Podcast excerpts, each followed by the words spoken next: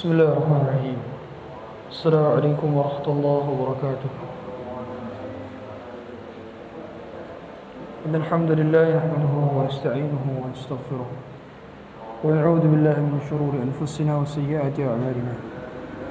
من يهدي الله فلا مضل له ومن يضلله فلا هادي له. أشهد أن لا إله إلا الله وحده لا شريك له وأشهد أن محمدا عبده ورسوله وصفيه من خلقه وخليله. أدى الأمانة وبلغ الرسالة ونصح إلى الأمة. كشف الله به الأمة وجاهد في الله حق جهاده حتى أتاه اليقين. تركنا على محجة بيضاء. ليلها كنهارها لا يزيغ عنها إلا هالك. اللهم صل وسلم وزد وبارك وعلم وكرم ومجد على عبدك ورسولك محمد صلى الله عليه وآله وصحبه وسلم. وقال عز من قائل يا أيها الذين آمنوا اتقوا الله حق تقاته ولا تموتن إلا وأنتم مسلمون. وقال عز وجل يا أيها الذين آمنوا اتقوا الله وقولوا قولا سديدا يصلح لكم أعمالكم ويغفر لكم ذنوبكم. ومن يطع الله ورسوله فقد فاز فوزا عظيما. jemaah yang dirahmati Allah Subhanahu wa taala. Pada kesempatan kali ini insyaallah kita akan membahas mengenai satu topik yang ditulis secara khusus oleh Al-Imam Ibn Qayyim Al-Jauziyah. Kitab tersebut bernama Hadil Arwah ila Biladil Afrah. Yaitu bertamasya keliling surga. Yang memang para ulama ketika menyusun sebuah kitab mereka merujuk kepada dalil-dalil yang sahih. Ini adalah sebuah deskripsi sederhana mengenai surga. Dan surga bagian daripada cabang ilmu akidah. Sehingga seorang belum sempurna keimanannya, bahkan dikatakan dia tidak beriman kepada salah satu pokok penting dalam pembahasan akidah adalah beriman kepada surga dan neraka. Salah satu cabang pokok dari keimanan adalah iman kepada surga dan neraka. Surga dan neraka adalah sebuah kenyataan. Kalau sekarang dunia nyata, akhirat cerita, besok akhirat nyata, dunia cerita. Kalau sekarang kita berada di dunia, besok kita berada di akhirat. Maka kita harus tahu bagaimana sebetulnya tempat kampung asal halaman kita. Dunia ini bukan kampung halaman. Dunia ini bukan tempat tinggal. Dunia adalah tempat meninggal. Bukan tempat tinggal. Dunia adalah tempat persinggahan. Bukan tempat untuk bersinggah-singgah, tapi hanya tempat untuk persinggahan saja. Jadi kita semua akan ingin kembali ke kampung halaman ayah kita. Sebagaimana juga doanya Nabi Ibrahim. Apa doa Nabi Ibrahim? Waj'alni min warathati jannatin na'im. Ya Allah, jadikan aku sebagai orang pewaris surga. Bisa. Pewaris surga. Sekelas Nabi saja minta surga. Nabi Ibrahim minta surga. Rasulullah SAW dalam doanya bilang, Allahumma inni as'aluka jannah. Rasulullah minta surga. Bahkan Rasulullah secara eksplisit mengatakan, فَإِذَا سَأَلْتُمُ اللَّهَ فَاسْأَلُوهُ وَالْفِرْدَوْسِ فَإِنَّهُ أَوْسَطُ الْجَنَّةِ وَعَلَى الْجَنَّةِ Kalau kalian minta kepada Allah, maka mintalah surga Firdaus. Karena dia adalah surga yang paling tengah dan paling tinggi. Berarti tidak masalah minta surga. Justru harus minta surga. Salah kalau persepsi seperti orang-orang yang mengatakan kita adalah hamba yang buruk ketika beribadah masih mengharap surga. Justru harus mengharap surga. Harus mengharap surga. Karena ada persepsi masyarakat kalau kita beribadah nggak usah minta apa-apa, ikhlas. Salah. Rasulullah kurang ikhlas apa? Nabi Ibrahim kurang ikhlas apa? Tapi mereka masih minta surga. Jadi tidak bertentangan dan tidak berkontradiksi bahwa minta surga dengan keikhlasan itu tidak bertentangan. Justru berkesinambungan. Oleh karenanya surga ini adalah pencapaian tertinggi bagi kehidupan manusia. kehidupan ini tak lama. Hanya sebentar saja. Sedangkan kehidupan yang lama adalah kehidupan di negeri di mana tidak ada lagi hal yang kita dengar kecuali kebaikan. Illa qilan salamun salama. Kita tak mendengar kecuali ucapan yang menenteramkan dada. Menyejukkan hati. Membuat lembut telinga. Ucapan-ucapan. La yasma'una fiha lagwan wala kidzaba. Kita nggak akan dengar lagi ucapan-ucapan sia-sia. Tidak akan pernah mendengar ucapan dusta. Di sana. Di sana, hanya di sana. Oleh karenanya, kehidupan surga ini harus dibayar dengan nyawa, darah, dan harta. Kita tidak bisa membayar surga dengan hal-hal yang sederhana saja. Surga harus dibayar dengan mahal. Meskipun memang pada akhirnya semua di antara kita seandainya masuk surga, maka kita masuk surga bukan gara-gara amalan kita. Sebagaimana kata Rasulullah SAW, La yadkhulu ahadukumul jannah bi'amal. Tidak masuk surga di antara kita karena amalnya. Kemudian sahabat bertanya, Wa anta ya Rasulullah, apakah begitu engkau ya Rasulullah? Kemudian Rasulullah, iya, begitu pula saya illa an yataghamaddani Allah bi rahmatih. Kecuali karena rahmat Allah yang masukkan saya ke dalam surga. Jadi amal kita ini tidak bisa menjadi bayaran untuk mendapatkan surga, tidak bisa. Tetapi amalan bisa mendatangkan rahmat dan rahmat tersebutlah yang menyebabkan kita masuk ke dalam surga. Bukan amalannya, tapi rahmatnya. Maka hakikatnya adalah Allah Subhanahu wa taala ketika memasukkan kita ke dalam surga, maka bukan gara-gara amal kita, karena tidak akan sama dan tidak akan bisa menandingi dengan kelebihan surga. Contoh, seandainya kita hidup 80 tahun, dari semenjak balik sampai wafat, total misalkan 70 tahun. Semuanya beribadah, tidak pernah bermaksiat. Tidak pernah bermaksiat full beribadah. Harusnya surganya itu 70 tahun saja. Bukan selamanya. Tapi ternyata Allah berikan selamanya. Abadan. Sarmadal abidin. Selama-lamanya. Tandanya kita masuk surga memang bukan gara-gara amal kita. Tapi memang betul-betul gara-gara rahmat Allah SWT. Hadirin yang Allah SWT. Allah SWT sudah mengingatkan bahwa kehidupan dunia ini penuh dengan suka, duka. Ada dukanya, ada sedihnya, ada lelahnya, ada letihnya, ada ngantuknya. Dan yang demikian, Allah katakan kepada Nabi Adam, Inna laka alla fiha wa la ta'ra wa annaka la tadba'u fiha wa la tabha. Dalam surat Taha. Kamu di surga ini tidak akan pernah kelaparan dan kehausan. Tidak akan pernah telanjang sekaligus kena sinar matahari. Jadi dapat faedah sini. Di surga tidak kena cahaya matahari. Tidak kena cahaya matahari. Yang kedua, di surga tidak ada seorang pun yang tidak berpakaian. Semuanya berpakaian. Kalau sekarang kita lihat orang tidak berpakaian, di surga semua berpakaian. Berpakaian indah, menawan, rupawan. Di surga tidak ada pun orang yang merasakan kelaparan satu detik. Walau satu detik. Di surga Tak ada satupun orang yang merasakan kehausan walau satu detik. Semuanya merasakan kenikmatan dan tidak diizinkan untuk tidak merasakan kenikmatan walau hanya satu detik. Walau hanya satu detik. Bayangkan. Sekarang kita setelah makan lapar lagi. Setelah minum haus lagi. Terkadang kita melepas pakaian kita ada kondisi-kondisi yang kita harus melakukannya. Dan demikianlah.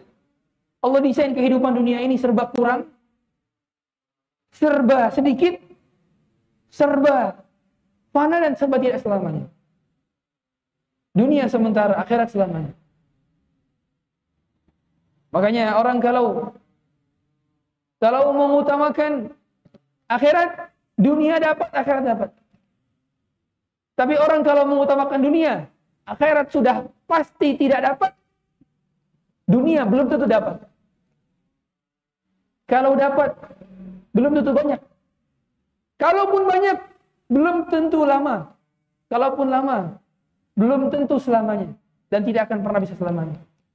Tapi siapa yang mengejar akhirat, sudah pasti banyak. Sudah pasti lama. Sudah pasti selama-lamanya. Itu konsepnya. Bahagia sekali.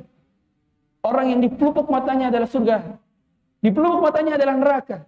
Dia paham bahwa kehidupan ajalnya semakin mendekat. Semua di antara kita berjalan. Saat ini berjalan menuju kuburannya masing-masing. Meskipun Anda duduk, saya duduk, hakikatnya semua kita sedang berjalan menuju kuburan kita masing-masing. Kita sedang membawa antrian kita. Hanya saja tidak diketahui nomor berapa antriannya. Apakah ada dulu atau saya dulu? Hanya tinggal menunggu antrian. Makanya kata Allah Subhanahu wa taala kepada Nabi Adam dan Hawa. Ibunda Hawa. Apa kata Allah Subhanahu wa taala? "Fala yukhrijannakuma minal jannati fatashqa." Maka janganlah syaitan menghalangi kalian untuk masuk ke dalam neraka atau janganlah sampai syaitan ini menjadikan kalian keluar dari surga. Jangan. Begitulah syaitan pada akhirnya menggoda ayah kita dan ibunda kita sehingga mereka keluar dari surga dan mereka sedang berusaha membuat kita tidak bisa masuk lagi ke dalam kampung halaman kita. Makanya syaitan adalah senyata-nyatanya musuh. Inna syaitana lakum aduun mubin. Sesungguhnya syaitan adalah musuh yang nyata kita. Bahkan Allah secara mengatakan, Fattakhiduhu aduwa. Jadikanlah dia sebagai musuh. Karena di antara manusia ada yang menjadikannya sebagai aulia. Aulia sebagai teman dekat. Kalau kita mau menjadikan surga tempat kampung halaman kita, maka tinggal ikuti saja perintah Allah menjadikan syaitan sebagai musuh. Sebagaimana juga Nabi Adam telah berpaling dari syaitan, berdoa bertaubat, Rabbana zalamna anfusana wa illam taghfir lana wa tarhamna lanakunanna minal khasirin. Demikianlah doanya Nabi Adam. Maka Allah menerima taubat daripada Nabi Adam. Hadirin yang dirahmati Allah Subhanahu wa taala. Kenikmatan surga sudah pasti itu adalah kenikmatan yang tidak pernah ada istirahatnya dalam rasa kenikmatan. Makanya istirahat yang betul adalah istirahat di surga saja. Sebagaimana kata Imam Ahmad. Dikatakan kepada Imam Ahmad, "Ya Imam, mata rahah, kapan istirahat?"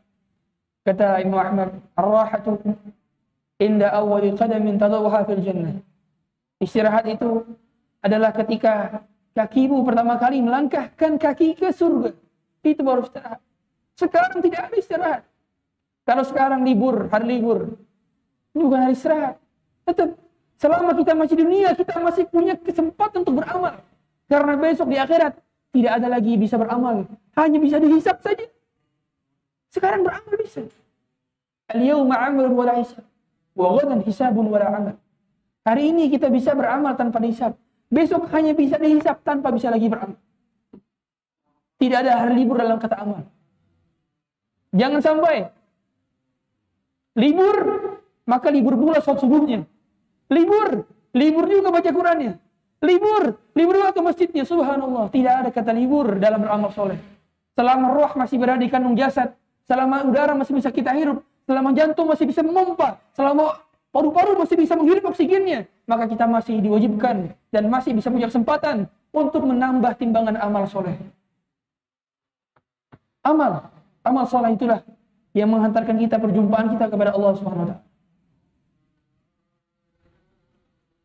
Makanya kehidupan dunia ini dipenuhi dan didesain oleh Allah Subhanahu wa taala dengan dua hal yang memang ini menjadi sifat dasar kehidupan dunia. Yang menjadikan orang harusnya tidak betah berlama-lama. Jadi konsep seorang beriman itu tidak betah berlama-lama di dunia. Ini konsepnya. Kalau ada seorang manusia betah berlama-lama di dunia, dipertanyakan keimanannya. Kok bisa? Ini betah. Harusnya dia lebih betah di mana? Di kampung halaman bukan di dunia. Ibarat kata, dunia ini kan seperti apa? Rest area. Kok ada orang lebih betah di rest area dibandingkan di kampung halamannya? Harusnya betah di mana di kampung halamannya. Dia ingin segera pulang. Dia ingin segera berjumpa dengan Allah. Makanya kata Rasulullah SAW, Man ahabba liqa Allah, ahabba liqa ahabba Allah. Siapa yang menginginkan perjumpaan dengan Allah, maka Allah juga menginginkan perjumpaan dengannya. Maka kita harus tidak betah berlama-lama di dunia. Harus ingin segera berjumpa dengan Allah dengan amalan yang baik. Oleh karenanya desain kehidupan dunia ada khaufun dan hazanun dua ini. Dua yang ada di dunia tapi tidak ada di surga. Wala khaufun 'alaikum wala antum tahzanun. La khaufun 'alaikum wala antum tahzanun. Jadi Allah banyak menyebutkan di surga itu udkhulul jannah. Masuk surga lah. Yang kamu tidak dapati khauf dan hazan. Apa itu? Dua ini. Khauf adalah kekhawatiran tentang masa depan. Hazan adalah kesedihan tentang masa lalu. Jadi manusia itu yang menjadikannya tidak betah hidup dunia karena dua ini. Karena ketakutan tentang masa depan. Besok makan apa? Besok seperti apa? Yang kedua adalah kesedihan masa lalu. Dua hal yang meliputi manusia. Yang membuat manusia takut tidak betah dua ini. Harusnya memang tidak betah, tidak betah. Tidak betah. Di akhirat tidak ada, di surga tidak ada dua ini. Kamu tidak akan pernah merasakan was-was. Tidak pernah merasakan kesedihan. Kalau sekarang ada perkataan orang yang membuat kita terluka. Ada pesikap orang yang membuat kita jadi tidak enak. Ada kekhawatiran kita tentang masa depan. Bagaimana anak, bagaimana istri, bagaimana saya. Bagaimana harta saya. Ketakutan. Di surga tidak ada ketakutan itu. Tidak pernah kita khawatirkan apa pun. Karena semuanya Allah yang jaga. Nah harusnya dunia juga begitu. Tapi Allah ciptakan kita perasaan demikian di, sur di dunia supaya kita paham bahwa ini bukan kampung halaman kita. Kita paham bahwa tempat kembali kita bukan di sini, yaitu di surga sana. Makanya nanti ketika para penghuni surga telah masuk ke surga, penghuni neraka telah masuk ke neraka, maka nanti Allah akan datangkan kematian dalam bentuk kambing. Kemudian Allah sembelih kambing tersebut dan mengatakan bahwa kematian telah disembelih. Maka pada saat itu semua penghuni surga merasakan kebahagiaan. Mereka nggak bisa mati lagi. Karena sudah terakhir, mereka hidup saja nggak ada kematian. Kalau sekarang ada kematian. Ada kematian. Makanya kata Rasulullah SAW, Aktiru zikra hadhimil. Perbanyaklah pengingat pemutus kenikmatan, yaitu kematian. Pemutus kenikmatan adalah kematian. Kenapa kita diwafatkan? Tandanya memang bukan bukan akhir kehidupan ini. Karena masih ada wafat, kematian. Semua di antara kita pasti yakin bahwa mati. Orang kafir saja tahu dia bakal mati. Tahu dan bakal mati. Maka di dunia ini kita pasti akan mati. Sedangkan nanti di, di akhirat tidak akan pernah mati lagi. Sudah, itu adalah kehidupan yang abadi selama-lamanya. Nanti Allah katakan, Inna lakum an tasihhu fala tasmahu abadan. Kalian semua akan sehat, tidak akan pernah merasakan sakit. Pertama. Jadi konsepnya penghuni surga, selama-lamanya tidak merasakan kesakitan. Sekarang kita dicubitai sakit. Jatuh sakit. Bangun tidur pusing, pala sakit. Tidur lagi sakit lagi. Gak ada uang sakit. Anak bandel sakit. Subhanallah. Banyak hal-hal yang menyebabkan kepala sakit, tubuh sakit, hati sakit. Sakit. Allah katakan, innalakum antasihhu wa la tasqumu abadan. Semua kalian akan sehat, akan fit, akan sehat bugar. Tidak pernah merasakan kesakitan. Subhanallah. Di surga, sehatnya tidak perlu berolahraga. Di surga, sehatnya tidak perlu menjaga makanan. Kalau di dunia kita sehat butuh untuk berolahraga, butuh untuk menjaga makanan, butuh untuk menjaga tidur, dan seterusnya. Di surga kita tidak butuh lagi hal-hal demikian. Semua sudah Allah buat sehat. Subhanallah. Ya. Selamanya. Ya. Wa inna lakum an tahyau fala tamutu abadan. Semua kalian akan hidup dan tidak akan pernah mati selama-lamanya. Apa yang menyebabkan ketakutan kita? Rata-rata manusia itu takut karena dia takut mati. Dia takut meninggalkan anaknya, takut meninggalkan istrinya, takut meninggalkan hartanya. Takut mati.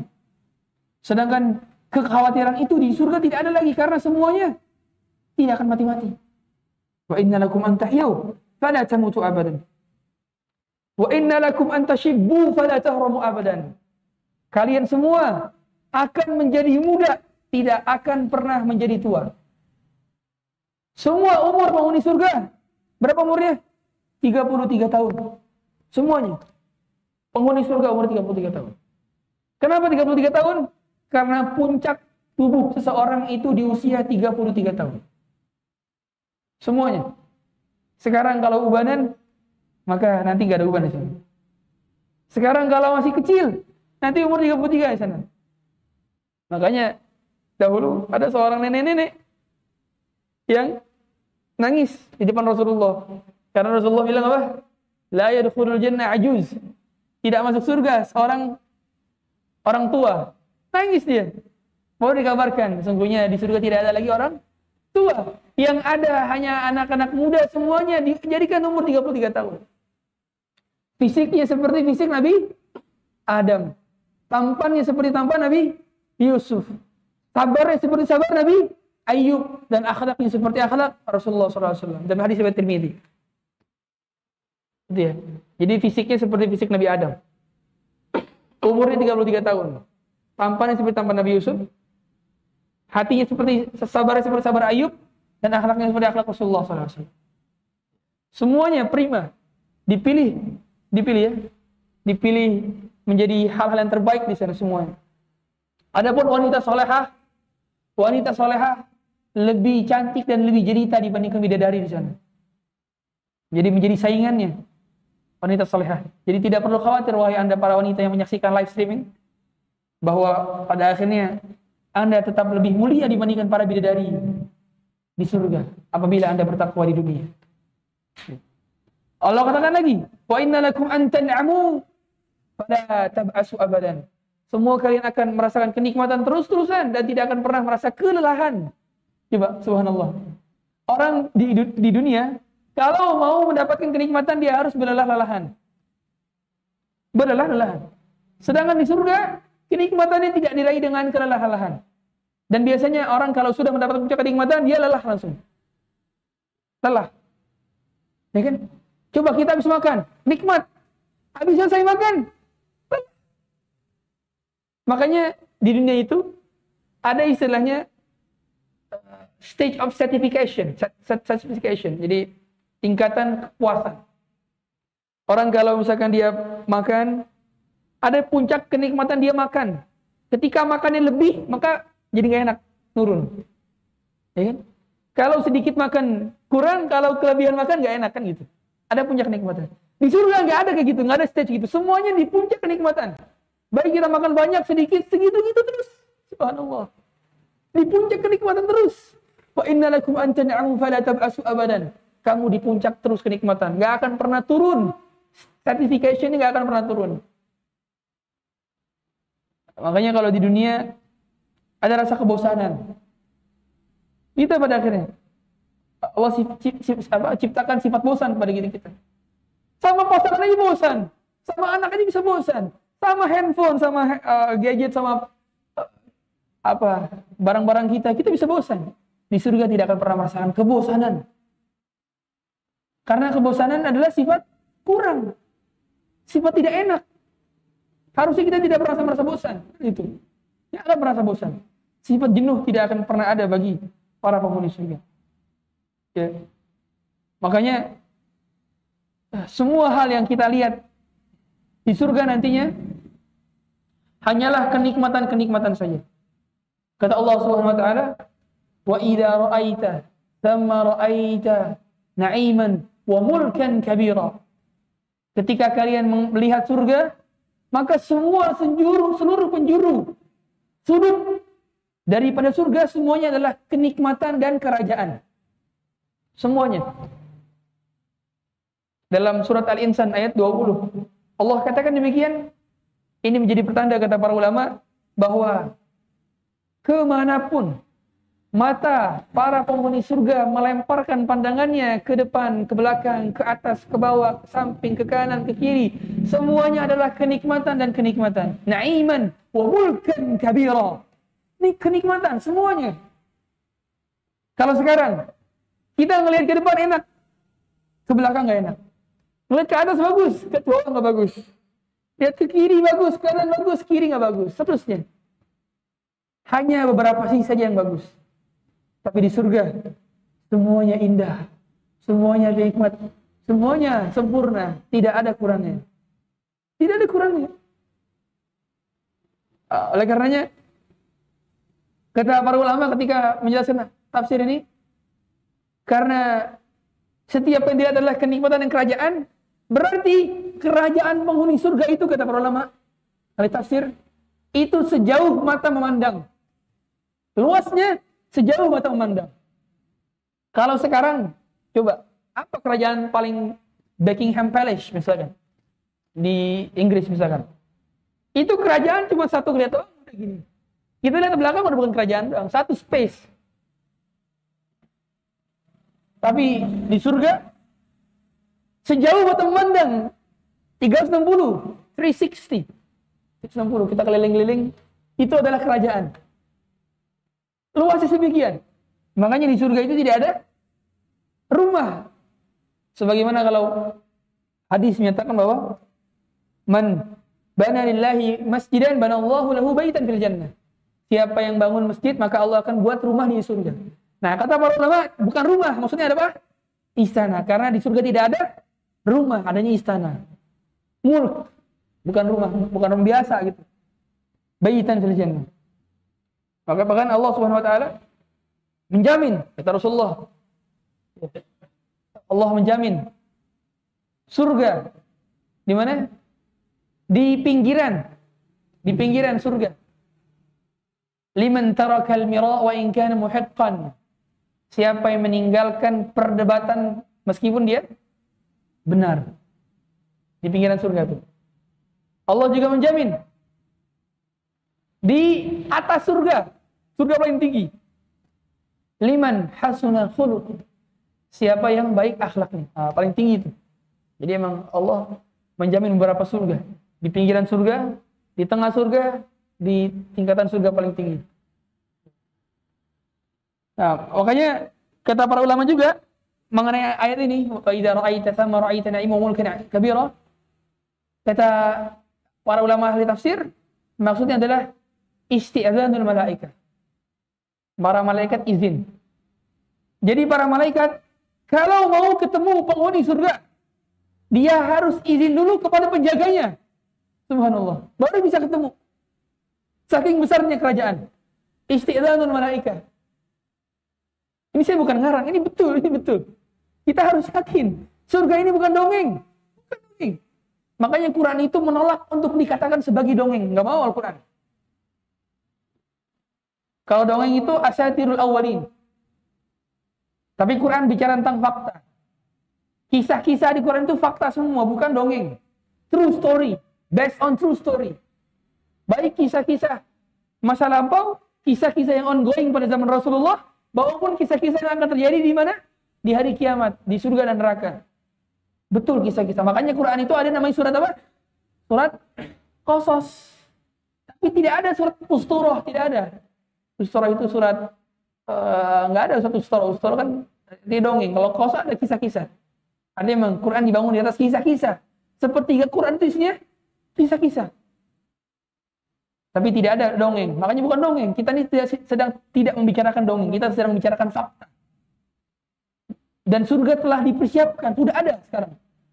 Uiddat lil muttaqin. Kata Allah. Telah dipersiapkan. Artinya, artinya sudah eksis sekarang. Sudah ada. Ustaz, waktu itu Rasulullah SAW kan pernah melihat surga, pernah melihat neraka. Beliau juga pernah melihat penghuninya. Gimana Ustaz? Bukankah penghuni surga belum ada? Kan sekarang kita masih belum kiamat. Gimana? Kok bisa? Nah, jawabannya gimana? Nah, contoh lagi ketika kemarin, ketika kemarin, ketika Rasulullah SAW mi'raj ke langit kan, itu kan melihat surga neraka itu, dan melihat bagaimana perjalanan siapa perjalanan itu melihat apa? Rasulullah melihat penyisirnya, penyisir penyisirnya Masyutah bin Fir'aun, penyisirnya anak perempuan Fir'aun, melihat apa?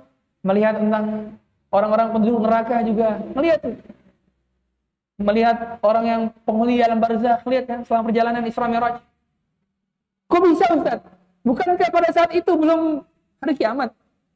Gimana? Jawabannya gimana? Uh, ternyata ini dibuktikan dengan sains. Teori Einstein, relativitas. Bahwa ketika kecepatan benda melebihi kecepatan cahaya, maka benda tersebut akan gerak lebih cepat lebih cepat dari zamannya atau bergerak lebih mundur daripada zamannya. Ternyata kecepatan buruk itu melebihi kecepatan cahaya. Sehingga sangat mungkin sekali Allah buat Rasulullah itu time travel. Ke masa mendatang sekaligus ke masa lalu. Sehingga Rasulullah dapat melihat siapa? Masyidah bin Fir'aun. Dapat melihat siapa? Para penghuni surga, para penghuni neraka. Makanya Rasulullah itu kan pernah mendengar apa? langkahan sendalnya Bilal gitu. Fa inni sami'tu duffana 'alaika fil jannah. Aku melihat tapakan sendal kaki Bilal di di surga. Ah, itu Allah sangat mudah sekali membuat rasulnya perjalanan time travel. Perjalanan travel, perjalanan waktu. Sebuah kemudahan pada akhirnya. Karena memang semua di antara kita telah tertulis namanya di lahul mahfuz. Jadi penghuni surga atau penghuni neraka. Semua antara kita udah udah ditulis namanya di surga atau di neraka. Udah ada di dalam Kata Rasulullah apa? Ma minkum min ahadin illa wa qad kutiba maq'aduhu fin nari fil jannah. Semua di antara kita sudah ada listnya tuh. Hanya saja kita tidak tahu di list mana kita berada. Kita tidak tahu. Kapan kita baru tahu? Kapan? Nah, kalau sudah nanti meninggal dunia. Baru tahu. Ternyata amal kita begitu-gitu saja. Subhanallah. Ya. Uh, makanya di surga nanti semuanya tidak akan pernah diwafatkan sedangkan dunia umur kita terbatas. Umur manusia berapa? 60 sampai 70 rata-rata. Kata Rasulullah, "A'mar ummati ma baina 60 ila 70." Wa qalilun ma yajudu dhalik. 60 sampai 70. Siapa sini yang 70? Ada yang 70. Subhanallah. Tidak pada akhirnya umur adalah soal angka saja. Kematian tetaplah kematian. Tidak memanggil yang tua dulu. Makanya kata Imam Syafi'i apa? Wa kam min sahihin mata min ghairi illatin Wa kam min saqimin asyahin min ad-dahri. Betapa banyak orang sehat mati tanpa sebab. Betapa banyak orang sakit tidak jadi mati-mati. Hidup bertahan lama. Jadi kita lihat. Ada kemarin Pak Haji ini. Padahal sehat-sehat aja badannya. Subhanallah. Pergi ke masjid tiap subuh. Tiba-tiba besok wafat. Tidur. Gimana wafatnya Ustaz? Wafatnya sambil sujud subhanallah. Bagus sekali matinya. Ada orang yang sakit bertahun-tahun, pulang pergi ICU. Berkali-kali cek darah, berkali-kali medical check up. Masih hidup sekarang. Tandanya kematian tidak menunggu harus sakit dan kematian bisa datang kepada orang yang tidak sakit. Kan gitu. Makanya kata Syafi'i juga, wa kam min fatan amsa wa asbaha dhahikan wa akfanuhu musijat wa huwa la yadri. Betapa banyak pemuda yang pagi dan petangnya dia tertawa. Sukacita. Sedangkan kain kafannya telah ditenun untuknya sedangkan dia tidak mengetahuinya. Kain kafan kita ini semua sedang dijahit oleh para penjahit. Makanya sebaiknya siapin kain kafan dari sekarang. Siapin kain kafan. Harus kita siapin dari sekarang. Taruh di, di lemari itu. Abu Bakar terus siapin kain kafannya di mana? Di lemari. Itulah yang akan menjadi baju terlama yang menemani kita. Yang bersentuhan dengan kulit kita dan tulang kita nantinya. Di alam kubur.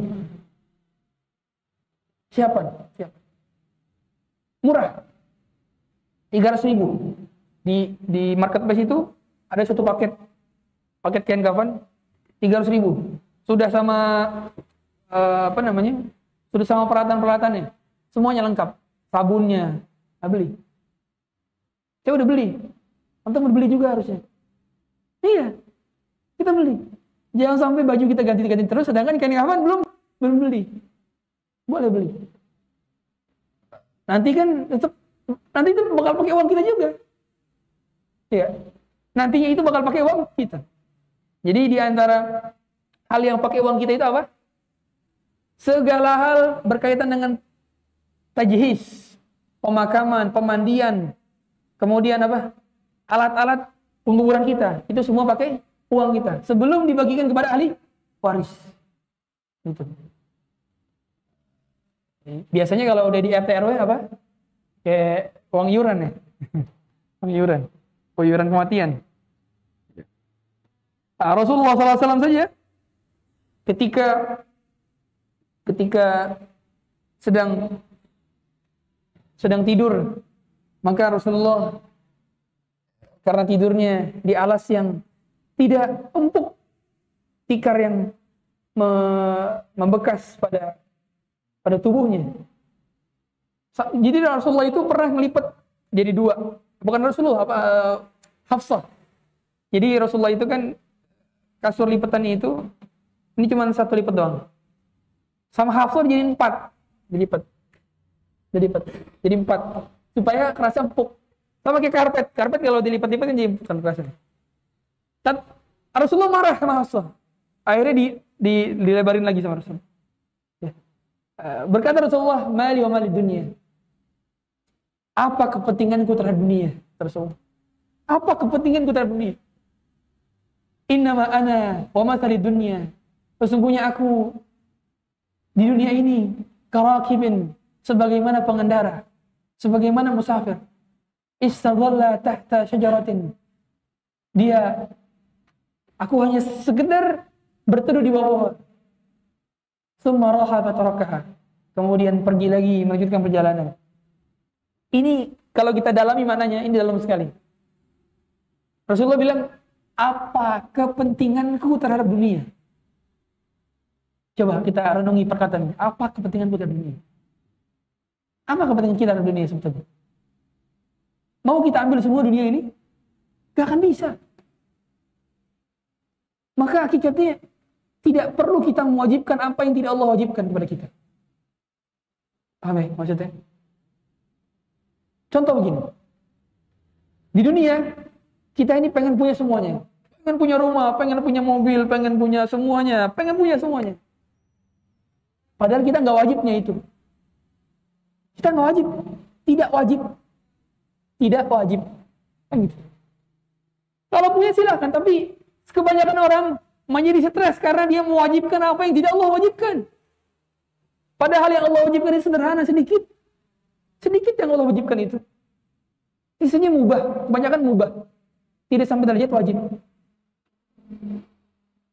Mubah rata-rata. Kebanyakan manusia sempit dan susah hidupnya dikarenakan dia merasa harus punya padahal dia nggak harus punya. Inilah yang menjadikan kita kebanyakan berlomba-lomba atas sesuatu yang fana. Ya. Hadirin dirahmati Allah Subhanahu wa taala. Oleh karenanya perkataan-perkataan semacam ini harus terus kita ulang-ulang. Terus kita ulang-ulang. Karena ini menjadi akhir bagi pembersihan dada kita. Sehingga jangan sampai yang menjadi goal utama ultimate goalnya adalah dunia. Ya. Makanya kata Rasulullah apa? Kata Rasulullah kepada Ibnu Umar, "Kun fid dunya ka'annaka gharibun aw a'abiru sabilin." Jadilah kamu seperti orang yang asing di dunia ini. Aw a'abiru sabil atau cuma orang yang numpang lewat saja. Garib, garib itu orang yang yang nggak ngerasa dia bagian daripada bagian daripada penduduk situ gitu. Dia ngerasa biasa-biasa saja, garib. Nggak ngerasa harus update ini itu, nggak ngerasa harus punya ini itu, nggak harus. Apa yang nggak harus dipunya, nggak harus dipunya. Yang Allah wajibkan sholat di masjid, Allah wajibkan. Yang Allah wajibkan menyuruh keluarga kita menutup aurat. Yang Allah wajibkan kita menuntut ilmu. Yang Allah wajibkan kita bertauhid. Yang Allah wajibkan kita mengeluarkan zakat. Yang Allah wajibkan kita haji dan umrah bila mampu. Kan gitu. Itu yang Allah wajibkan. Banyak yang Allah wajibkan. Kun fi dunia ka'annaka gharibun aw abir sabil. Makanya dahulu Rasulullah SAW ketika perang Khandaq, perang Khandaq itu perang Ahzab.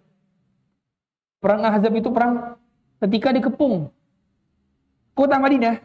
Saat itu penduduknya berjumlah 2000 penduduk. 2000 penduduk. Dikepung oleh orang-orang Quraisy sekaligus kabilah-kabilah dari berbagai pasukan. Berjumlah 10.000 pasukan. Bayangin, 2.000 dikepung oleh 10.000. Jadi, kota Madinah itu luasnya segimana? Luasnya itu hanya sekitar Masjid Nabawi sekarang. Jadi kalau kita pernah ke Masjid Nabawi, itu, tahu itu ya. Itu dulu kota Madinah segitu. Kota Madinah itu segitu. Jadi nggak besar. Kota Madinah segitu. Satu kota itu satu Masjid Nabawi itu. Dahulu dikepung. Maka Salman Al-Farisi mengusulkan saran untuk dibuat parit. Maka Rasulullah SAW bersama para sahabatnya selama hampir seminggu membuat parit kedalaman 5 meter di bawah ke bawah. Jarak luasnya 5 kali 5 atau 4 kali 5. Ke dalam 4, samping 5. Panjangnya berkilo-kilometer. Dalam keadaan paceklik musim dingin tidak punya makanan. Subhanallah. Kelaparan. Para sahabat mengikat perut-perut mereka dengan batu. Ikat dengan batu. Rasulullah pun demikian. Demikian. Kemudian ketika ada sahabat yang kelaparan, maka kata Rasulullah, Allahumma la illa aishul akhirah. Ya Allah tidak ada kehidupan kecuali kehidupan yang abadi di akhirat. Tidak ada kehidupan. Makanya kata para ulama kalau kalau kita sedang berada di titik puncak kesulitan-kesulitan, katakan Allahumma la aisha illa aishul akhir. Ya Allah tidak ada kehidupan yang abadi kecuali kehidupan di akhirat saja. Begitu yang Rasulullah sampaikan. Dan begitu harusnya kita. Kata Syekh Utsaimin, dikiaskan kalau melihat hal-hal yang mewah yang kita berhasrat kepadanya, yang kita pengen beli. Kagum kepada suatu dunia. Maka juga kita ucapkan Allahumma la aisha illa akhir. Kalau hadis panjangnya itu labbaik. Ada labbaiknya, labbaik. Allahumma la aisha illa aishul akhirah. Kemudian kata Rasulullah, "Wansuril ansar wal muhajirah." Dan tolonglah orang Ansar dan kaum Muhajir. Jangan kalau melihat benda baru salamatin. Wah mobil bagus, salawatin dulu ah. Ini tandanya kita membesarkan tersebut dunia kita. Kita membesarkan membesarkan benda-benda dunia. Harusnya kita mengkecilkan. Setiap kali yang lihat rumah mewah, mobil megah, atau kebalik, rumah rumah megah, mobil mewah. Kita bilang, Allahumma la aisha illa aishul Itu. Bukan dibesarkan. Karena kalau dibesarkan, tandanya kita menjadikan ibadah kita kecil. Dan objek yang kita sholawat tersebut sebagai objek yang besar. Harusnya dibuat kecil, itu kecil. Kecil sekali. Makanya di dunia ini, ini prinsipnya, kalau benda yang kita beli ternyata tidak menambah amal kita, maka jangan dibeli. Karena hakikatnya hanya menambah hisap saja. Kenapa hisap saja? Serius. Kalau ada pertemanan yang tidak mendatangkan ketaatan, maka lebih baik tidak usah berteman. Kalau ada aktivitas yang membuat kita tidak menambah ketaatan, maka lebih baik tidak usah beraktivitas. Kan gitu. Jangan sampai kita ini memperbanyak hisap tapi tidak menambah amal. Maka sebelum sebelum Anda mau beli sesuatu, sebelum mau beli sesuatu, tanya, apakah ini memperberat timbangan? Tanya. Ustaz, saya mau beli HP lagi Ustaz. Tanya antum dalam diri antum. Kira-kira HP yang antum gunakan akan menambah amal antum atau justru memperberat hisab antum doa? Termasuk, mohon maaf, nikah lagi. Antum mau nikah lagi? Iya Ustaz. Coba, antum tanyakan. Antum nambah istri hanya ingin menambah amal atau ingin menambah hisab doang?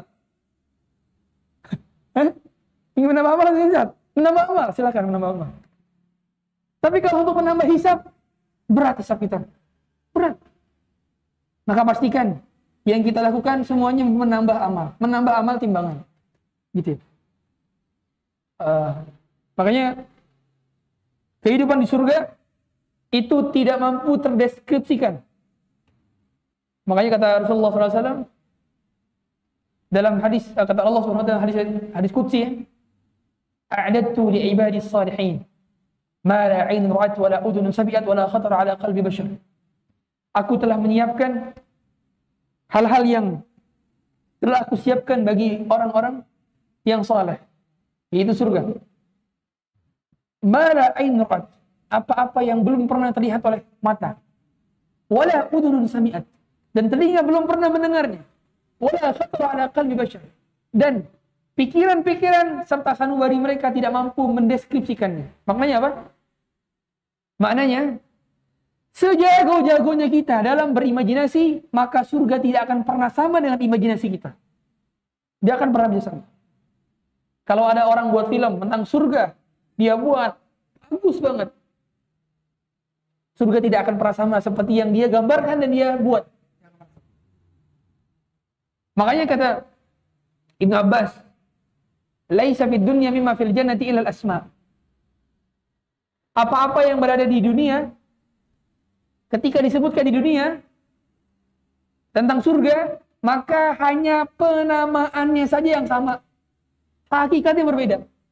Contoh, di surga itu tanahnya berasal dari apa? emas. Emas. Bukan tanahnya, bangunan ya, bangunan dari emas, dari perak. Tanahnya dari za'faron. Wangi tanahnya. Nah, itu emasnya berbeda dengan emas di dunia. Kalau emas dunia gimana? Warnanya kuning gitu kan. Di, di surga beda. Nggak akan pernah sama. Peraknya juga begitu. Za'faron juga begitu, sama. Yang kita lihat di dunia, kalau emas seperti itu, nantinya akan berbeda. Secara hakikat berbeda, hanya namanya saja yang sama. Itu. Memang terkadang Allah Subhanahu wa taala berusaha untuk mendeskripsikan surga itu dengan apa? Dengan cara hal-hal yang dibuat indah oleh orang-orang Arab pada saat itu. Di Arab kan gersang, susah. Maka biasanya apa? Bentuk-bentuk bentuk-bentuk uh, apa namanya agar mereka semangat beramal dengan cara apa? Surganya bentuknya apa? Kebun. Kemudian apa lagi? Kemudian sungai-sungai. Karena memang jarang bukan sungai di, di, di Arab Saudi, jarang.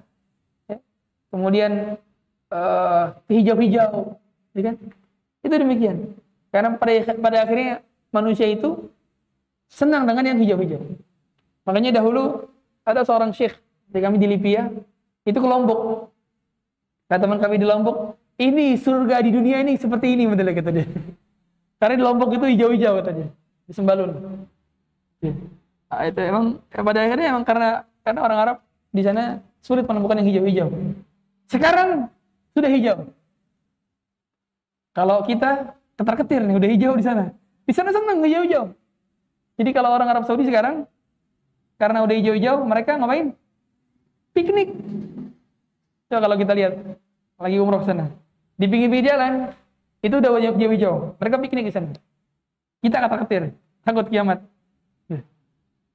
Uh, kemudian di surga nanti juga nantinya banyak bidadari-bidadari. wa kawa'ib atraba. Jadi bidadari tersebut, mohon maaf nih, mohon maaf. Jadi tapi harus kami sampaikan ya. Wa kawa'ib itu, mohon maaf, payudara. Tapi tidak perlu disebutkan. Intinya bagus. Wa kawa'ib atraba. Bentuknya seperti apa? Seperti apa nih namanya? Mata kaki. Nah, seperti mata kaki. Dan mata kakinya apa? E, bentuknya bagus itu. Kemudian juga di surga, di surga pelayan-pelayannya apa? Anak-anak kecil. Yaitu fu'alaihim wildanun mukhalladun. Yang mengelilingi surga adalah anak-anak kecil. Wildan. Kenapa kau Ustaz kau wildan? Kenapa wildan? Kenapa anak kecil? Kenapa? Karena biasanya anak-anak kecil itu enak kalau disuruh. Sehingga Penghuni surga dibuat nyaman untuk menyuruh sesuka mereka siapa yang bisa mereka suruh. Coba kalau yang pelayan-pelayan ini udah kumisan. Segan kita, tidak? Pak, tolong ambilin minum. Nggak enak. Tapi kalau dek, dek, tolong ambil minum, dek. Enak kan? Nah, itu maka kata para ulama hikmahnya begitu. Kenapa wildan? Bukan orang kumisan. Bukan. Tenang aja, insya Allah. Yang kumis-kumis di sini yang jenggot-jenggot nggak akan disuruh di sana. Karena wildan. Yatufu alaih wildan musalimin. Ya. Dan semuanya itu apa, mereka putih sekali.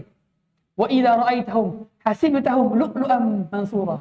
Kalau kamu melihat mereka, maka mereka itu putih sekali seperti mutiara. Saking putih, putih banget seperti putihnya mutiara. Dan ketika mereka hitung, kamu menghitung hasibtahum lu'lu' seperti mutiara yang berhamburan, banyak jumlahnya. Jadi nggak akan kekurangan pelayan-pelayan. Muttaqiina fiha 'alal ara'ik. Muttaqiin. Muttaqi itu apa? Oh, apa ya penghuni surga itu tempat tinggalnya di mana? Di atas kasur yang sudah dihiasi seperti pengantin. Al-ara'ik arika. Arika itu zaman daripada arika. Kita tahu ya kasur pengantin itu gimana? Gimana kasur pengantin? Antum di sini nikah terakhir kapan? Udah lama ya? Arika itu kasur pengantin. Arika. Mutaki itu gini mutaki. Ini gini. Ah, ini mutaki. Jadi kepalanya gini. Bertelekan. Telekan itu apa? Nyender. Bersandar. Ah, bersandar. Mutaki fiha. Dan dia di sana bersama siapa? Bersama bidadari di dalam di dalam uh, di dalam kasur tersebut. Di kasur tersebut yang tidak pernah keluar, selalu standby di sana. Makanya bidadari itu tidak ada apa? Tidak ada kotorannya. Kalau secantik-cantik istri kita, antum secantik-cantiknya punya istri, kalau kentut tetap bau, siapa istrinya nggak bau kentutnya? Tidak, bau. Di surga nggak ada bau. Secantik-cantiknya punya istri, kalau ngupil kotor, ada kotoran di upilnya. Di telinganya ada kotoran. Di matanya ada belek. Bangun tidur. Ada kotoran. Di surga tidak ada aib cacat sedikit pun. Tidak ada. Ya, tidak ada. Makanya para penghuni surga ini betul-betul dimanjakan oleh Allah Subhanahu wa taala. Ya. Kemudian bagaimana sifat daripada daripada kerajaannya? Kata Rasulullah, labinatun min fiddah, labinatun min zahab. Batu batanya, batu bata semua yang menjadi bangunan di surga terbuat dari emas dan perak. Emas dan perak. Wa milatu al-misk al-azfar. Dan lantainya berasal dari apa? Misk. Misk. Lantai itu kerikil-kerikil. Kerikil-kerikil semennya semennya terbuat daripada minyak kasturi. Wa hasba'uha lu'lu' wal yakut. Hasba'uha itu kerikil. Kerikil-kerikilnya berasal dari apa? Berlian, intan mutiara berlian.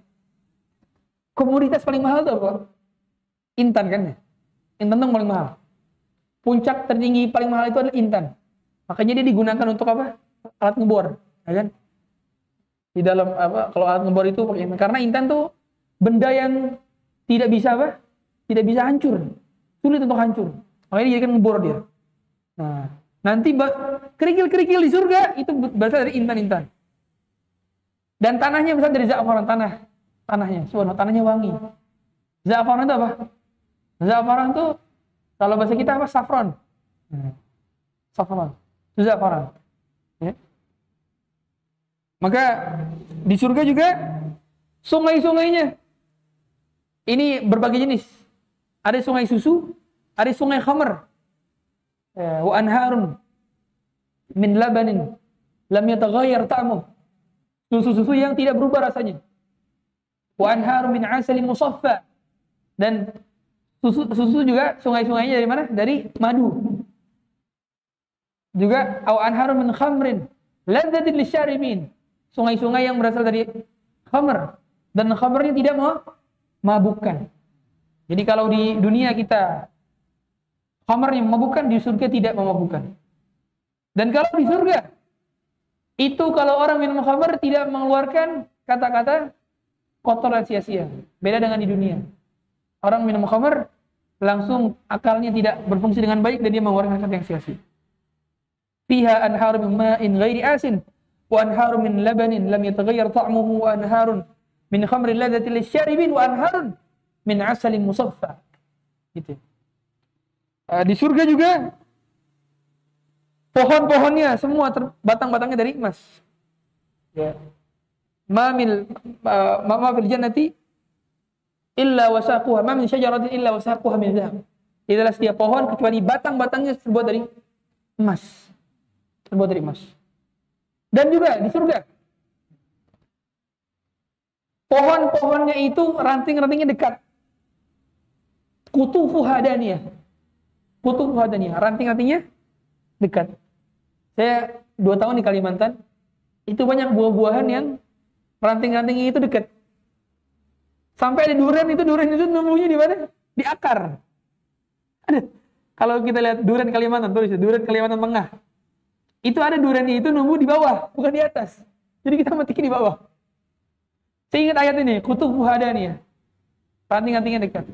Ada para ulama yang menafsirkan maksud daripada kutub ini adalah ketika seorang penghuni surga menginginkan buah di surga, belum sampai dia ucapkan baru saja terbesit saja, maka tiba-tiba rantingnya itu datang set cepat makan. Kutub ini, rantingnya dekat maksudnya gitu. Dekat untuk diraih dan dekat untuk diminta. Meskipun belum diucap, baru cuma terbetik. Ya. Bahkan di surga sebagaimana kita walah mitayri mimma. Apa makanannya? Daging bu burung. Daging burung. Siapa yang pernah makan daging burung sini? Ada. daging burung walah mitayri mimma yashtahun. Nah, di sini Allah katakan maksud daripada daging burung apa? Karena apa? Burung kan termasuk hewan yang sulit untuk didapatkan. Ya, bahkan kebanyakan burung itu tidak boleh dimakan, gitu karena burungnya memiliki cengkram yang membuat mangsa yang nggak boleh dimakan. Nah, burung di surga mudah didapatkan. Kata para ulama menjelaskan di sini, kami menjelaskan ayat ini adalah kalau kita lihat burung di atas tiba-tiba dan pengen makan burung itu, maka burung itu jatuh langsung langsung menjadi sebuah hidangan tanpa disembelih dulu. Itu kata para ulama walahmi tairin mimma yashtahun. Subhanallah, indahnya kampung halaman kita. Kadzaba. Tidak pernah mendengar ucapan yang tidak bermakna, apalagi berdusta. Tidak pernah.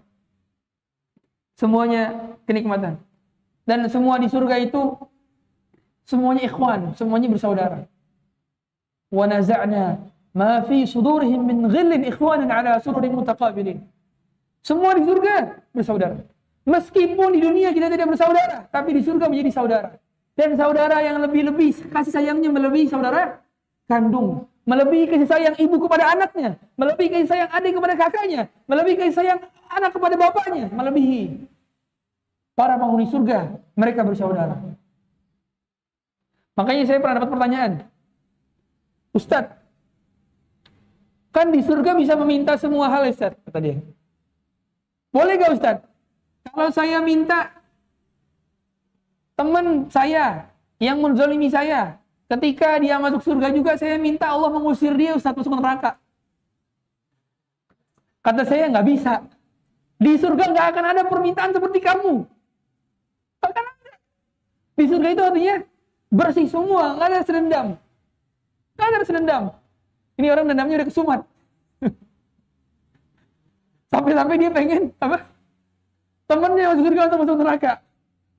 Nah, hati-hati nih. Ada orang gitu teman-teman. Ada orang tuh dendamnya kesumat. Hati-hati. Makanya jangan sampai kita menzalimi orang lain. Jangan. Sampai-sampai dia berdoa apa? Supaya temannya masuk ke dalam neraka. Ada orang masuk ke dalam surga. Di surga nggak ada pertanyaan dan permintaan seperti itu, nggak akan ada, nggak akan ada permintaan seperti itu. Karena rasa dendamnya sudah dicabut di mana? Di kontoroh. Di kontoroh. Jadi kontoroh itu di mana? Setelah sirot. Lewat sirot, maka di kontoroh dulu. Baru surga. Di kontoroh ini diapain? Di screening. Apanya screening? Hatinya. Dibersihkan hatinya dari dengki wa naza'na ma fi min ghillin perasaan dengki iri hasad benci semua dihilangkan dari situ jadi masuk surga semua dalam keadaan lapang semua bersaudara tidak memiliki dendam tidak memiliki rasa kebencian kalau sekarang orang masih ada rasa iri karyawan satu level sama-sama iri biasanya hasad itu sama-sama satu level. Sama-sama satu. Sesama karyawan, sesama manajer, sesama apa? front officer, sesama satpam, sesama apa lagi? Sesama ustadz, naudzubillah. Sesama apa lagi? Sama penuntut ilmu, sesama sama dai, sesama macam-macam, sesama sesama kebanyakan hasad itu. Sesama adik kakak. Nah, paling sering sama adik kakak. Hasad. Nanti di surga tidak ada hasad. Tidak ada. Yeah. Makanya semuanya bisa didapatkan. Uh, lalu juga saya ada pertanyaan juga, Ustadz, saya punya kucing peliharaan Ustadz, kata dia. Bisa gak saya ketemu kucing saya lagi di surga? Saya bilang bisa. Bisa. Karena kata Allah, "Walakum fiha ma tashtahihi al-anfus wa taladul a'yun wa antum fiha khalidun." Di surga nanti semua manusia menginginkan apa pun akan di realisasikan. Dan dia akan mendapatkan kenikmatan-kenikmatan selama-lamanya. Makanya dahulu ada seorang Arab Badui, Arab Badui. Di samping Rasulullah. Lucu kisahnya. Ya. Arab Badui. Uh, Arab Badui ini diceritakan sama Rasulullah di samping di samping Arab Badui ada Rasulullah. Rasulullah bilang, nanti di surga nanti ada ada orang yang nanam. Kan ditanya, ya Rasulullah, apakah di surga nanti akan ada akan ada panen gitu, akan ada perkebunan? Kata Rasulullah ada. Bahkan nanti di surga akan ada orang yang yang mereka nanam, kemudian mereka melihat hasil panennya. Kemudian kata Arab ini, itu pasti orang Ansor Rasulullah. orang Ansor. Karena orang Ansor apa? Senang bertani gitu. Jadi nanti hobi-hobi yang dilakukan di dunia masih bisa dilakukan di surga. Ya. Hobi-hobinya dilakukan di surga. Hanya saja kalau pertanian sekarang kita bisa ngelihatnya, oh lama tiga bulan, dua bulan baru panen. Di sana langsung seketika, tumbuh seketika dan sangat mudah bagi Allah untuk membuat kita panen di sana. Nah, di surga nanti juga kita tidak akan pernah merasa keletihan dan kecapean. La yamassuna fiha nasbu wa la yamassuna. Tidak akan pernah lughub dan nasab. Kalau nasab ini kelelahan ketika beraktivitas. Jadi kalau kita kerja, kita lelah. Nasab namanya. Kalau lughub, lelah habis beraktivitas. Dan di surga tidak ada kelelahan baik ketika beraktivitas maupun setelah beraktivitas. Tidak. Semuanya merasakan kenikmatan tanpa kelelahan. Mohon maaf, mohon maaf, mohon maaf sekali. Orang kalau berhubungan suami istri, lelah gak dia? Lelah gak? Mohon maaf, ini jomblo semua bagaimana nih? Sini. Lelah dia. Lelah saat berhubungan suami istri dan setelah berhubungan suami istri. Kita makan saja, makan. Kadang-kadang ada orang makan keringetan. Ada. Ada orang makan keringetan? Ada. Dia ngerasain kenikmatan dan makan, tapi dia lelah. Di surga makan tidak ada keringetan. Enggak, maksudnya enggak enggak enggak lelah. Setelah makan enggak lelah lagi apa lagi? Ada orang habis makan lelah dia. Makanya tidur. Tapi di surga tidak ada nasab dan lugu. Makanya di surga tidak ada tidur. Jadi kalau ada pertanyaan, apakah di surga orang tidur? Tidak tidur. Sebagaimana Jabir pernah bertanya kepada Rasulullah. Ya Rasulullah, ayana wa ahlul jannah? Apakah tidur para penghuni surga? Kata Rasulullah, la. An-naumu akhul maut. Tidak. Tidur itu saudaranya kematian. Jadi penghuni surga tidak tidur. Kenapa tidak tidur? Karena tidak diizinkan oleh Allah untuk tidak merasakan satu detik tanpa kenikmatan. Allah Akbar. Tidak diizinkan. Satu detik tidak merasakan kenikmatan. Jadi semua 24 jamnya harus merasakan kenikmatan. Per detiknya. Subhanallah. Iya. Kemudian di surga nantinya nantinya uh, apa namanya? Bidadari-bidadarinya bidadari-bidadarinya itu kalau disebutkan dalam dalam dalam riwayat itu putih bersih sampai-sampai ketika dilipat oleh lipatan 70 lipatan maka masih kelihatan putih dan sinarnya dari luar tubuhnya. Kami dua mir'atuha. Hati bidadari adalah cermin bagi suaminya. Makanya kalau kita kalau kita gambarkan di dunia, maka bisa menjadi apa? Menjadi serem. Kan di surga sum-sumnya kelihatan. Coba kalau kita bandangkan di dunia, serem kali. Sum-sumnya kelihatan. Ya, maka tidak bisa dideskripsikan ketika di dunia. Makanya uh, kata Rasulullah, "Innal mar'ata min nisa'i ahli jannah la yura bayadu saqiha saqiha min wara'i sab'ina hullah." Putihnya betis, putihnya betis. Kelihatan meskipun udah dilipat 70 gaun. Ya. Dan semua para bidadari surga semuanya perawan selama-lamanya. Perawan selama-lamanya. Wa azwaju mutahharah. Mereka suci. Mereka tidak pernah disentuh oleh jin dan manusia sebelumnya. Betul-betul seperti wanita yang dipingit. Dipingit seperti apa? Nggak pernah tersentuh. Dan wanita dipingit itu bisa apa? Malu? malu gitu ya. ya dan mereka selalu menundukkan pandangannya fihin naqasat lam yatmithunna insun qablahum wala jan matanya selalu tunduk tidak pernah tersentuh oleh jin dan manusia ingat ya yang masuk surga itu apa jin dan manu manusia jadi jin juga masuk surga jin muslim masuk surga karena mereka juga terbebani oleh taklif syariat mereka juga diwajibkan sholat diwajibkan zakat diwajibkan haji diwajibkan puasa Wajib juga sama. Hanya saja mereka tidak ada rasulnya. Rasulnya dari mana? Dari manusia. Jadi Rasulullah itu rasul untuk siapa? Jin dan manusia. Semua nabi-nabi itu rasul untuk jin dan manusia. Ya.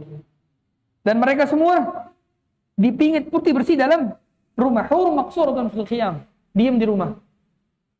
Maka emang pada akhirnya defaultnya perempuan di mana? Di rumah.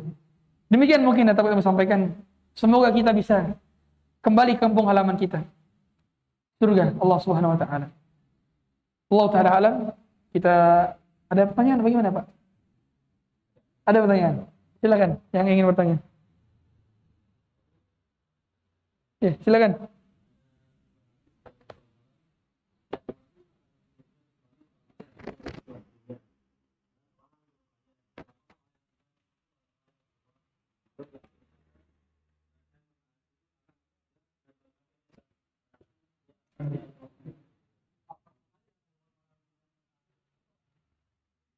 Ya.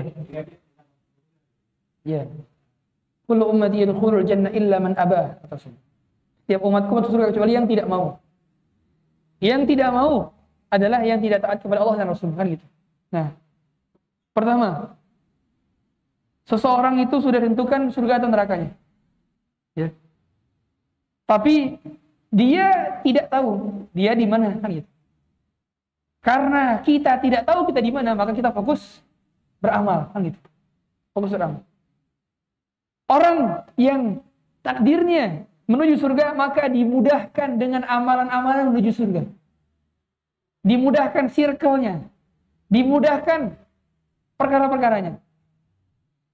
Nah, orang-orang yang tidak mau tersebut adalah orang-orang yang memang ketika datang perintah dalil, mereka menolak dengan hawa nafsunya. Mendahulukan hawa nafsu dibandingkan ketundukan akal kepada dalil. Itu yang menyebabkan mereka tidak mau masuk surga. Selama selama akal kita masih tunduk pada dalil dan kita mau masih menjadi hamba yang taat, maka berarti kita tidak masuk ke dalam hadis man aba. Berarti kita masuk ke dalam orang yang mau bukan orang yang tidak mau. Dan juga pada akhirnya segala hal itu diminta, bukan cuman berharap tapi juga diminta. Betul-betul diminta. Ya Allah, masukkanlah aku ke dalam surga. Jadikanlah aku penghuni surga. Dan buatkanlah amal-amalku seperti amal-amal orang yang masuk ke dalam surga. Itu ya. Karena memang setiap ahli surga itu punya amal-amal masing-masing. Makanya Rasulullah dulu kan ada laki-laki Ansor masuk surga pintu sama. Kata Rasulullah ketika di Masjid Nabawi akan ada pemuda yang masuk dari pintu sini dia pemuda masuk surga. Ada pemuda tiba-tiba bawa sendalnya, jenggotnya masih basah dengan air wudhu. Besoknya begitu, begitu. Akan ada pemuda yang masuk surga dan dia masuk lewat pintu ini. Sampai tiga hari berturut-turut. Ternyata ketika dicek, amalnya adalah dia memaafkan seluruh orang yang pernah menzoliminya setiap hari, setiap sebelum tidur. Karena punya amal soleh.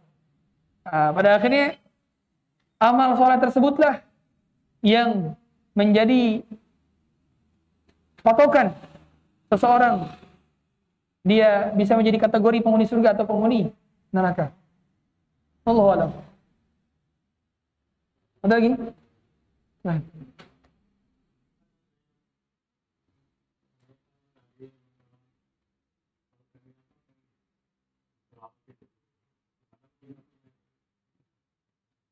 Iya, udah itu aja. Ya. Pertama, ini dibahas di dalam kitab tauhid. Dibahas kitab tauhid. Beramal untuk tujuan dunia. Beramal untuk tujuan dunia. Solawat, apa lagi? Istighfar, eh, ibadah-ibadah itu kan beramal soleh itu kan amal soleh. Solawat amal soleh. Kalau tujuannya dunia, 100% dunia. Kita sholat tujuannya 100% dunia. Maka kata para ulama, amalnya tertolak, dia nggak dapat pahala, dia berdosa. Berdosa, bukan dapat pahala, malah berdosa. Kalau 100% dunia. Tapi kalau amalan, amalan, amalan, dia dunianya, niat dunianya tersebut tidak sampai 100%. Cuman mengikuti itu sebagai tabi. Contoh, dia bertakwa. Tujuannya supaya dapat solusi dari masalah-masalahnya. Ini kan untuk dunia.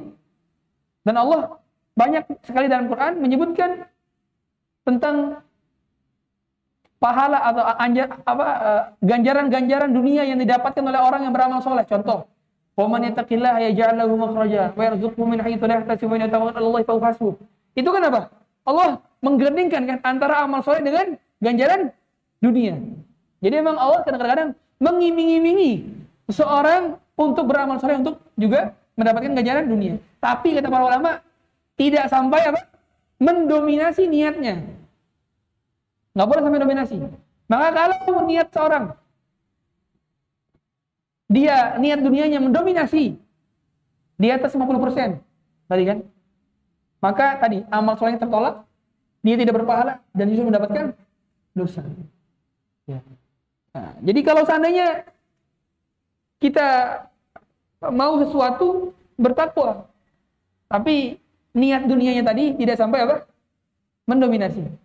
Kan ada orang sekarang supaya lolos CPNS, sholat duha, gitu. hajud, macam. Silakan, nggak apa-apa. Tapi jangan sampai Murni. Sholat kita itu untuk 100% untuk bisa lolos. Gimana caranya Ustaz? Nah, niatnya yang mendominasi apa? Niat mendapatkan pahala. Bukan niat mendapatkan dunia. Termasuk sholawat.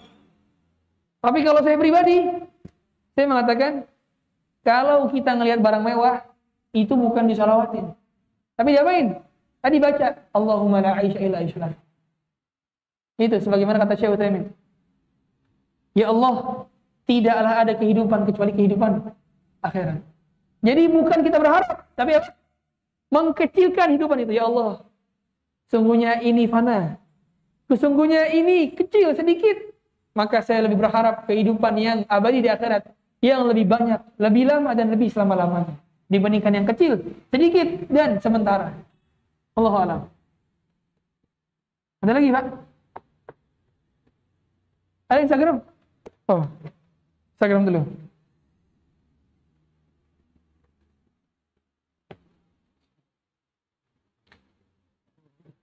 Hai, betul. Yang bertakwa kan masuk surga. Hmm. Tanpa itu Pak. Oh iya, bagus tanya nih Pak. Jadi tingkatan level orang masuk surga itu ada tingkat-tingkatannya ya? Yang pertama, masuk surga tanpa adab, tanpa hisap. Yang kedua, masuk surga dengan hisap.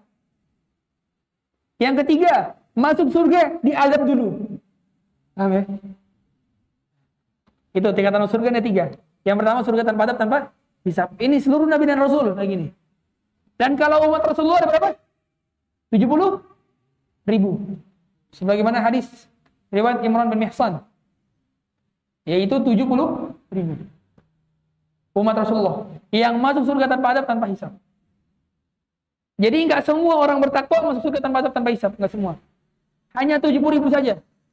Siapa 70 ribu ini? Adalah humul ladhi la yastarqun wa la yatatayyarun wa la yaktawun wa ala rabbihim yatawakkalun. Empat. Yang pertama mereka tidak minta diruqyah. Mereka tidak tatayur, tidak berbuat kesyirikan. Mereka tidak kai. Kai itu apa? Pengobatan dengan cara dipanaskan. Dan mereka bertawakal. Intinya semua mereka tawakalnya sempurna. Tauhidnya sempurna. Akidahnya sempurna. Ini baru masuk surga tanpa adab, tanpa hisap. 70 ribu. Kuotanya hanya 70 ribu. Semoga semua di sini masuk surga tanpa hisap. Itu kuota privilege sekali. Jalur VIP. Tanpa screening lagi. Yang kedua, dihisap. Tapi tidak diajak. Ini dengan hisaban yasira. Ya, hisaban yasira. Makanya di antara doa Rasulullah apa? Allahumma hasibni hisaban yasira. Fa man utiya kitabahu bi yaminih fasawfa yuhasabu hisaban yasira. Siapa yang diberi catatan amal dari tangan kanannya, maka dia dihisab dengan hisab yang mudah. Nah, yang dihisab dengan mudah itu gimana?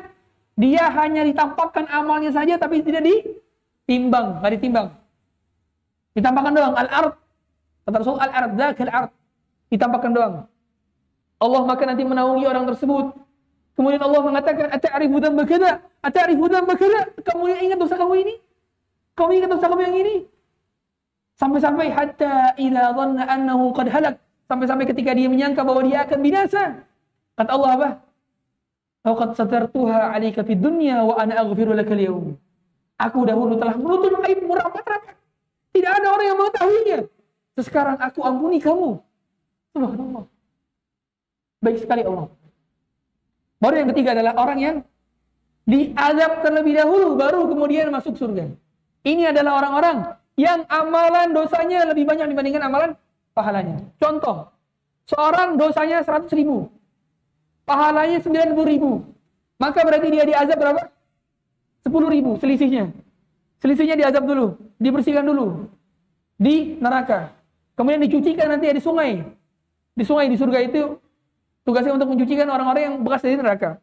Baru dimasukkan dalam surga. Rasulullah tahu wa inni la a'lamu akhiru ahli nari khurujan wa ahli wa akhiru ahli jannati dukhulan. Kata Rasul, aku mengetahui orang yang terakhir keluar dari api neraka dan aku mengetahui orang yang terakhir apa terakhir masuk surga. Tahu Rasulullah. Dan orang yang terakhir masuk surga berarti orang yang terakhir apa? Baru bersih. disucikan di neraka. Yaitu orang-orang yang beriman tapi melakukan dosa besar. Mereka dicuci dulu. Nanti mereka mendapatkan apa? Mendapatkan 10 kali dunia. Jadi adna darajat adna jannah manzilatan. Serendah-rendahnya surga apa? Dunia 10 kali. 10 kali dunia. Itu serendah-rendahnya orang mendapatkan surga. Tingkatan tertinggi apa? Firdaus. Paling tinggi Firdaus. Firdaus itu di mana? Di bawah arsh. Di bawah arsh. Paling tinggi. Paling rendah adalah 10 kali dunia. Besar planetnya 10 kali dunia. Besar kerajaannya. Jadi penghuni surga itu satu orang satu. Kalau misalnya kita planet bahasa kita.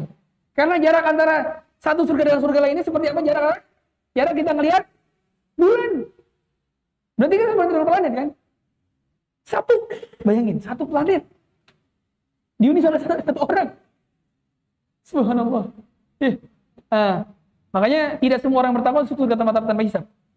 Kita minimal berharap seandainya nggak masuk yang pertama minimal kedua. Tapi orang beriman harus yang paling pertama. Dia masuk surga tanpa adab tanpa hisab sekaligus berharap apa? Firdaus. Nggak ada jalan lain. Harus berharap yang tinggi-tinggi. Makanya berarti apa? Kata Rasulullah kita ini kalau berharap berharap surga Firdaus berarti Rasulullah mengajarkan kita untuk visioner. Mencari yang tinggi, cita-cita harus tinggi, himmah aliyah, nggak boleh rendahan. Ya. Semoga semua di sini masuk surga tanpa adab, tanpa hisab. Demikian mungkin eh belum pertanyaan tadi ini. ah.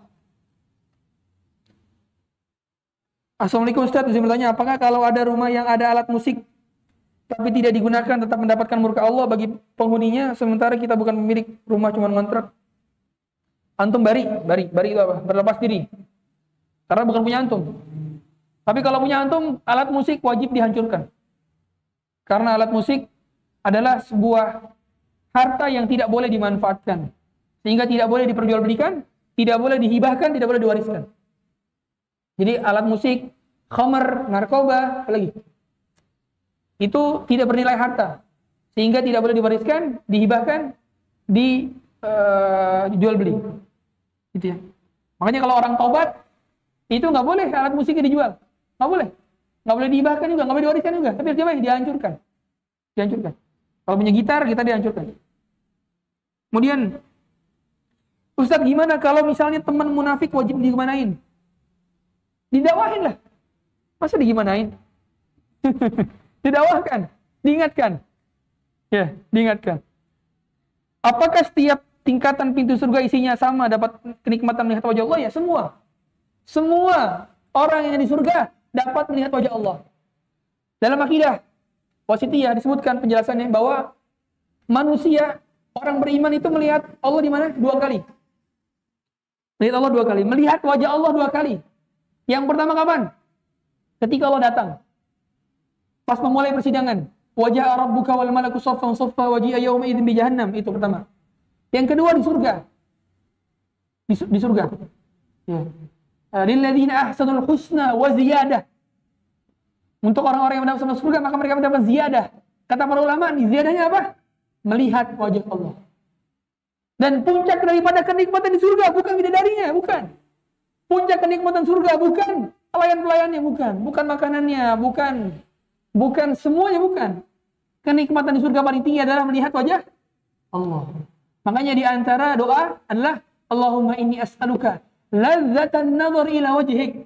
Ya Allah, aku meminta kelezatan, kenikmatan dalam melihat wajahmu yang mulia. Ini ya, Allah menciptakan keindahan. Surga, sangat indah sekali. Tak mampu terdeskripsikan. Kalau keindahan yang diciptakan saja indah, apalagi sang pemilik keindahan itu. Kan gitu. Indah sekali. Tapi kita tidak mampu mendeskripsikannya. Dan tidak mampu membagaimanakannya. Karena kita hanya bisa mampu melihatnya nanti ketika di surga. Semoga kita semua dapat melihat wajah Allah. Karena itu adalah kenikmatan yang besar. Dan ini mengingkari akidah. Daripada akidah zanadiqah mereka menganggap bahwa orang itu tidak dapat melihat wajah Allah. Karena kalau gitu Allah punya wajah, ya Allah punya wajah. Allah wajah Allah hakikat. Tapi tidak sama seperti wajah makhluknya. Laisa kamitslihi syai'un wa huwas samiul basir. Demikian. Allah taala alam. Subhanakallah bihamdik. Asyhadu an la ilaha illa anta astaghfiruka wa atubu ilaik. Sallallahu alaihi nabiyina Muhammad wa alihi wasallam. Assalamualaikum warahmatullahi wabarakatuh. Ya, Pak. Insya Kan dari bilang Oh, tadi Bilal, Insya Allah. Abi- Bilal itu di mana, Pak? baru 8. Oh, cuma delapan. Oh, dekat di sini ya? 嗯，嗯，嗯。